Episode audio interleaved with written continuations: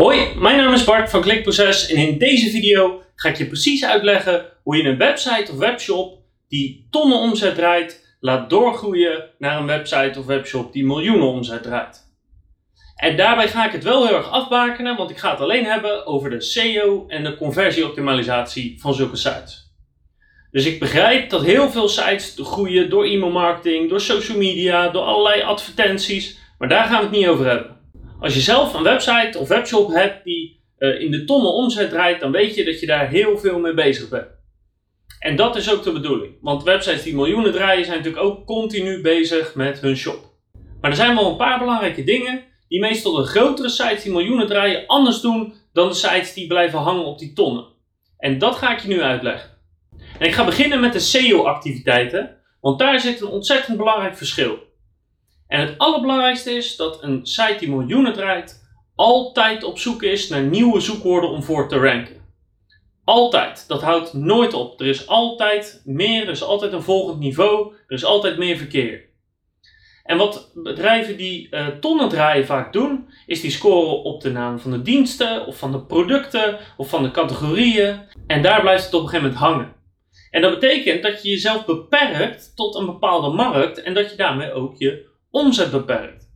Dus blijf altijd op zoek naar nieuwe zoekwoorden om voor te scoren. En ik zal je een paar tips geven waar je aan moet denken. Blijf altijd nadenken over met welke problemen zit mijn doelgroep, welke middelen gebruiken ze om die op te lossen en hoe zouden ze een oplossing omschrijven. En als je bijvoorbeeld boekhoudsoftware verkoopt, kan dat zo klein zijn als uh, ik wil een bepaalde uitdraai hebben, want dat heb ik nodig voor de accountant tot een zo grote vraag als hoe kan ik mijn uh, software integreren met mijn ERP-systeem zodat alles naadloos op elkaar aansluit. Blijf altijd nadenken over waar zijn klanten mee bezig en hoe moeten ze ons vinden.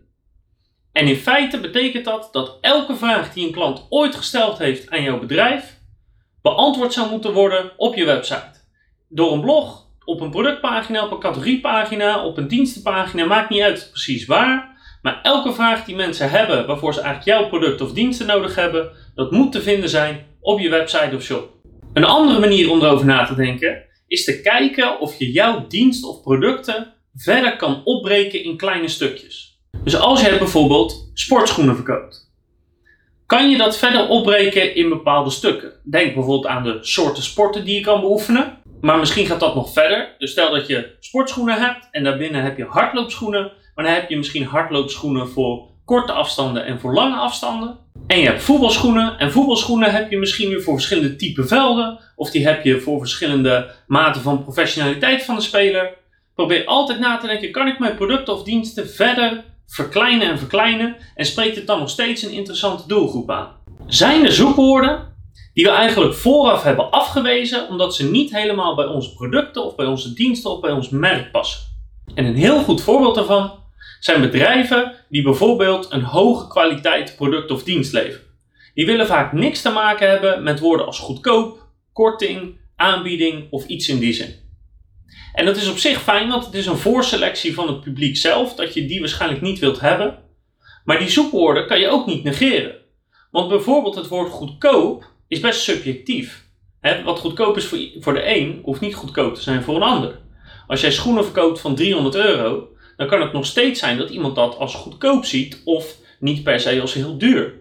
Dus ga op zoekwoorden scoren die misschien niet 100% bij je dienst of producten passen, maar wel 90% of dat je in elk geval weet dat je bij het goede publiek zit. Bijvoorbeeld omdat ik hardloopschoenen verkoop en ik weet wel dat ze hardloopschoenen zoeken. Het enige wat je dan moet doen is de mensen overtuigen van hey, je zoekt op product X of je zoekt op dit zoekwoord. Nou, dat hebben we niet. Maar we hebben een veel beter alternatief, wat eigenlijk veel beter bij je past om deze en deze reden. Dus je moet iemand zien te overtuigen op zo'n moment. En een ander mooi voorbeeld daarvan is als je gaat scoren op de termen van concurrenten, of de merken van concurrenten, of merken die je gewoon simpelweg niet verkoopt. In de software zie je dat heel erg, dat mensen eh, proberen te scoren op de term van een ander softwareproduct wat erop lijkt. Door bijvoorbeeld een vergelijkingspagina te maken. Boekhoudsoftware A in vergelijking met boekhoudsoftware B. Wat zijn de voordelen, wat zijn de nadelen? En als het goed is en je hebt goede software, dan zijn er bepaalde redenen om voor jou te kiezen. En soms kan je mensen daarmee overhalen om toch bij jou aan de slag te gaan, een offerte aan te vragen of jouw product te kopen. Dus blijf continu nadenken over zoekwoorden die niet 100% passend zijn, maar die wel de goede doelgroep aanspreken. En hoe kan ik daarop scoren en toch mensen overtuigen om bij mij iets te kopen? En sla daarbij woorden als gratis zeker niet over. Maar je kan nog verder nadenken over je zoekwoorden. En dat is namelijk dat je niet per se eh, gaat scoren op zoekwoorden die jouw product of dienst meteen reflecteren, maar dat je meer gaat nadenken over wie is mijn doelgroep en op wat voor dingen zoeken zij. Je hebt bijvoorbeeld een webshop die verkoopt producten voor mensen met een gezonde levensstijl. Dus eigenlijk wil je gevonden worden op dingen als proteïne shake of op superfoods of op zulke soort woorden. Nou, dan ga je nadenken, waar is die doelgroep nog meer mee bezig? Nou, ze zijn vaak bezig met sporten.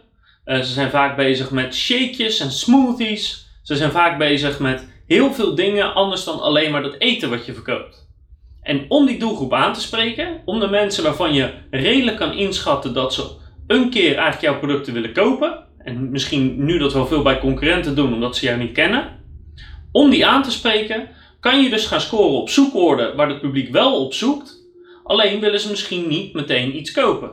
Meestal gebruik je daarvoor e-mail marketing of social media om te zorgen dat je met ze in contact blijft. En als ze dan willen kopen, dan ben je er. Maar probeer dus goed na te denken: waar zoekt mijn doelgroep nog meer op? Waar zijn ze mee bezig? Waar hebben ze interesse in? En zijn dat zoekwoorden waar ik ook als merk op kan scoren? Dan gaat het soms voor merken te ver. Als je bijvoorbeeld weet dat je gezonde voedingsproducten verkoopt en jouw complete doelgroep of een groot deel van je doelgroep doet aan paardrijden, dan willen merken soms niet gaan schrijven over paardrijden. Want dan zeggen ze, ja, maar daar weet ik niks vanaf. Dus waarom moet ik dat doen? Maar probeer echt creatief te zijn. Want je kan heel makkelijk misschien samenwerken met iemand anders. Of met een paardenexpert.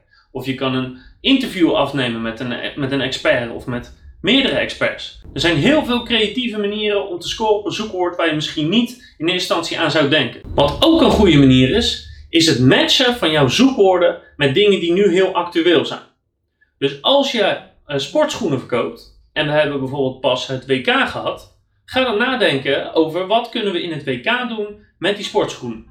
En dan bedoel ik niet mee dat je alleen maar nadenkt over een 10% kortingsactie uh, wegens Oranjes afwezigheid dit jaar. Nee, daar bedoel ik mee op wat voor soorten woorden gaan mensen googlen en kunnen we daarop scoren. Bijvoorbeeld gaan mensen scoren op het woord voetbalschoen plus de naam van bekende spelers of de naam van een team. Op wat voor voetbalschoenen uh, voetbalt Engeland? Of wat voor voetbalschoenen draagt Ronaldo? Zulke soort zoekwoorden nemen een enorme vlucht tijdens belangrijke actualiteiten en zorgen ervoor dat jij erop kan scoren. Want dat is wel jouw doelgroep. En ook als je die voetbalschoenen niet verkoopt, kan je ze misschien een alternatief aanbieden of kan je ze vragen of ze op de wachtlijst willen staan, zodat je ze uh, kan nabestellen en alsnog kan leveren. Er zijn heel veel manieren om op de actualiteit in te spelen. Uh, denk ook aan dingen waar je in eerste instantie misschien niet aan zou denken, zoals de politiek, iets met milieu, leuke sportdagen. Denk ook lokaal, hè, lokale evenementen. En als je weet dat mensen erop gaan googlen, en bijvoorbeeld via Google Trends kan je dat allemaal uitzoeken, dan is dat ideaal om daarop in te haken. Wij hebben bijvoorbeeld ooit een voorspelling gedaan van de verkiezingsuitslag op basis van bepaalde Google-data. Nou, die uitslag die sloeg nergens op. We konden het niet voorspellen de manier waarop we deden. Maar nog steeds krijgen we verkeer op het zoekwoord voorspelling verkiezing 2016. Als je je zoekwoorden gevonden hebt, dan moet je natuurlijk aan de slag om een goede pagina te maken. Nou, soms is het heel makkelijk. Moet je gewoon een dienst aanbieden of een product of moet je een nieuwe categoriepagina aanmaken. En soms is het wat lastiger. Eigenlijk hoe meer het zoekwoord van jouw bedrijf afstaat voor je gevoel, hoe lastiger het is. Dus ik zal je een paar tips geven met soorten content die je kan maken, uh, wat eigenlijk voor elke branche wel gaat. Een hele duidelijke uitleg over iets is eigenlijk wat je in elke branche wel kan doen. Ook al is het niet zo gerelateerd aan jou, als jij iets duidelijk uitlegt, zijn mensen daar blij mee. Dus als je gezonde voeding verkoopt en je legt een bepaalde paardrijtechniek uit, dan zijn mensen daar blij mee, ook al verkoop je geen paardrijdingen. Je kan altijd je mening ook geven over iets. Ook dat is iets wat je over alles eigenlijk wel kan doen. En je kan altijd een expert interviewen om zijn of haar mening te vragen. Ook kan je een inspiratieverhaal aanbieden of een motiverend verhaal van iemand die bepaalde uitdagingen is overkomen of iemand die heel erg gegroeid is in een bepaalde branche. En kijk goed of je misschien niet een klein stukje software kan bouwen voor bepaalde zoekwoorden. Denk bijvoorbeeld aan een calculator of een makkelijk te downloaden schema. Dat soort dingen zijn niet zo heel ingewikkeld om te maken en kan je eigenlijk op heel veel zoekwoorden wel toepassen, ook al ligt het iets verder van je merk af. Maar wat voor content je ook gaat maken, zorg ervoor dat het de zoekintentie van de bezoeker goed ondersteunt. Dus geef een bezoeker wat hij wil en zorg ervoor dat je content maakt die 10 keer beter is dan alle content die er nu staat. Als het gaat om de intentie van je bezoeker bedienen. En de laatste wat gaat zorgen voor een enorme groei is zorg dat je consistent gaat linkbeelden. Nou weet ik dat linkbeelden niet de favoriete hobby is van veel bedrijven. En daar schuilen ook potentiële gevaren in linkbeelden. Maar het staat nog steeds in de top 3 belangrijkste rankingfactoren van Google. En daar gaat die voorlopig ook echt niet uitkomen. Dus als je wil groeien, als je hoger wil komen te staan en in zijn algemeenheid beter wil scoren, als je wil dat nieuwe pagina's en zoekwoorden die je aanspreekt ook makkelijker en sneller omhoog gaan, dan moet je met linkbeelden aan de slag. En ik heb hier een voorbeeld van een ontzettend competitief zoekwoord waar heel veel mensen per maand op zoeken. Het verschil in omzet alleen daarop is al gigantisch. Dus je moet met linkbuilding aan de slag. En als je niet weet hoe het werkt, of het niet zo leuk vindt, of het moeilijk vindt, dan moet je of ons inhuren, dat is altijd goed, of je moet je echt gaan verdiepen in hoe het werkt, bijvoorbeeld door meer filmpjes op dit kanaal te kijken. Maar je komt er niet onderuit om linkbuilding te gaan doen. Hoe goed je content ook is en hoe goed die de zoekintentie van de bezoeker ook bevredigt. Zorg ervoor dat dat een proces wordt in het bedrijf. Ook al is het maar één link in de week, dat zijn er toch weer 52 in een jaar. Dus zorg ervoor dat linkbuilding, wat cruciaal is, consistent gebeurt bij elk stukje content wat je doet. Wees altijd op zoek naar partnerships. Geef kortingen of producten weg om te zorgen dat je meer linken krijgt. Maar je moet consistent gaan linkbeelden. Want helaas heb je niet de luxe wat, wat heel veel grote merken hebben. Namelijk dat die automatisch linken naar zich krijgen omdat ze al groot zijn. Als het gaat om conversieoptimalisatie, dan is eigenlijk het consistent bezig zijn op basis van data met je website, dat is eigenlijk de belangrijkste tip die ik, kan, die je kan geven. En dat is eigenlijk het verschil tussen bedrijven die blijven hangen en bedrijven die doorgroeien. Het is altijd kijken naar de data. Wat zegt de klant? Wat zegt de bezoeker? En op basis daarvan je website verbeteren. En dat doe je elke dag, elke week, elke maand. Dat doe je zoveel mogelijk als dat jouw budget toelaat. Maar zorg ervoor dat je het consistent blijft doen. En dat betekent dat je niks aanneemt voor wat het is, dat altijd alles beter kan. En dat je het van die 2 of 3% conversie echt een target zet dat je daar 5% van gaat maken. En dat het je ook niet moet uitmaken hoe je dat moet doen. Je moet niet bang zijn om opeens uh, abandonment e-mails te gaan versturen omdat je niet weet wat het is of dat je dat nog nooit gedaan hebt.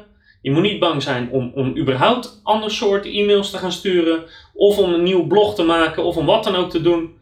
Je moet continu kijken waar zitten de pijnpunten in de site. Zitten ze op de productpagina's, op de categorie, zitten ze in de navigatie, zitten ze in de interne zoekmachine. En dat continu blijven verbeteren zodat je aan het einde van het jaar heel tevreden naar je shop kan kijken en kan zeggen: ja, dit is echt een heel stuk beter voor een gebruiker nu. En ook daar weer een belangrijke tip: conversieverbeteringen zit vaak niet zomaar in design. Het zit niet in die call to action knop groter, kleiner of een andere kleur geven. En het zit vaak ook niet per se in foto's. Dus zorg er echt voor dat je een prioriteitenlijst maakt van alle problemen op basis van data. En veel vaker gaat het over copywriting, het geven van voordelen en het geven van features en de algehele navigatie door de site heen.